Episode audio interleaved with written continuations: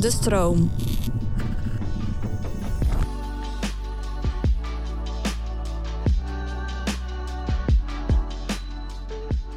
Hallo allerliefste luisteraars en BookTok-fanaten. Vandaag hebben we een hele bijzondere aflevering. Dit is namelijk de laatste Noël Lees Wel aflevering. Ga er dus maar goed voor zitten en luister goed, want we bespreken vandaag The Silent Patient. The Silent Patient is geschreven door Alex Michaelides in 2019 en het is een van de twee boeken die Alex heeft uitgebracht.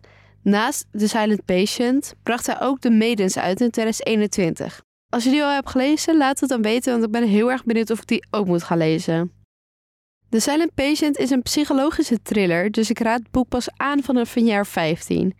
In 2019 is aangekondigd dat dit boek verfilmd ging worden en de auteur heeft ook gezegd mee te werken aan de screenwriting. Er zijn echter nog steeds geen updates hierover, dus of de film ook afgemaakt gaat worden, moeten we nog maar even afwachten. Maar laten we het nu maar gewoon over het boek gaan hebben. Het boek volgt Alicia Berenson. Het leven van Alicia lijkt perfect. Ze is een beroemde schilder, getrouwd met een veelgevraagde modefotograaf en woont in een statig huis met grote ramen dat uitkijkt op een park in een van de meest gewilde buurten van Londen. Op een avond komt haar man Gabriel laat thuis van een modeshoot en ineens schiet Alicia hem vijf keer in zijn gezicht en zegt daarna geen woord meer. Alicia's weigering om te praten of enige vorm van uitleg te geven verandert een binnenlandse tragedie in iets veel groters.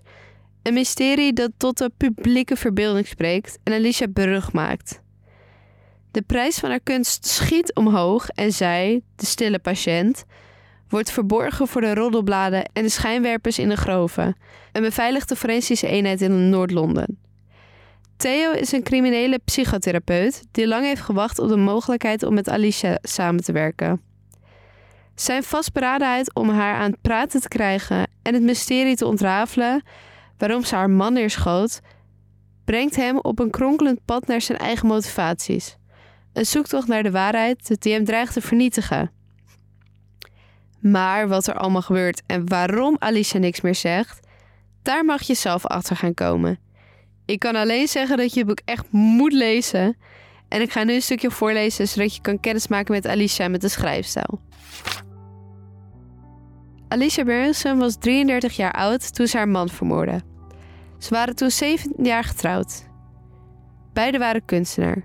Alicia schilderde en Gabriel was een beroemde modefotograaf. Hij had een opvallende stijl.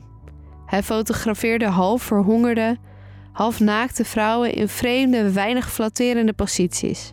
Sinds de dood zijn de waarden van zijn foto's astronomisch gestegen. Ik vind zijn werk eerlijk gezegd nogal gekunsteld en oppervlakkig. Het heeft niks met. Het heeft niets van de diepgang van Alicia's beste werk. Nu weet ik niet genoeg over kunst om te kunnen beoordelen of Alicia Berenson als schilderes de tand des tijden had doorstaan. Haar talent zal nu worden overschaduwd door de negatieve bekendheid die ze heeft verworven, waardoor het moeilijk objectief te zijn. Waardoor het moeilijk is objectief te zijn. Je kan ook van. Je zou me er ook van kunnen beschuldigen bevooroordeeld te zijn. Ik kan slechts mijn mening geven voor wat die waard is. Voor mij was Alicia een genie. Afgezien van haar technische vaardigheden hebben haar schilderijen iets waardoor ze je aangrijpen, bij de keel vatten en dan een ijzersterke greep houden. Gabriel Berensen is zes jaar geleden vermoord. Hij was 44 jaar oud. Het is op 25 augustus gebeurd. Misschien herinner je nog wel een ongewone warme zomer waarin alle hitterecords werden verbroken. De dag waarop hij stierf was de warmste dag van het jaar. Op de laatste dag van zijn leven was Gabriel vroeg opgestaan. Om kwart over vijf reed een auto voorbij het huis waar hij en Alicia samenwoonden. In het noordwesten van Londen, aan de rand van Hampstead Head, om hem naar Shoreditch te brengen voor een fotosessie op het platte dak van een van de gebouwen daar. Hij besteedde de hele dag aan het fotograferen van fotomodellen voor Vogue. Er is niet veel bekend over wat Alicia die dag heeft gedaan. Ze zou binnenkort een expositie houden en liep achter met haar werk.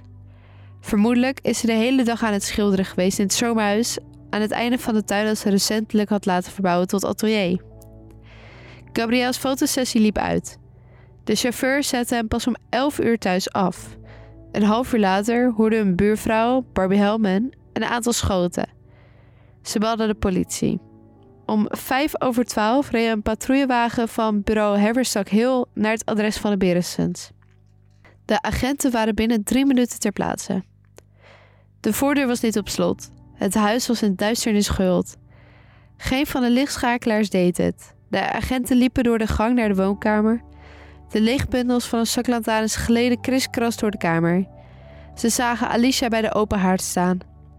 Haar witte jurk lichtte spookachtig op in de felle lichtbundels. Ze leek zich er niet van bewust te zijn dat de agenten er waren.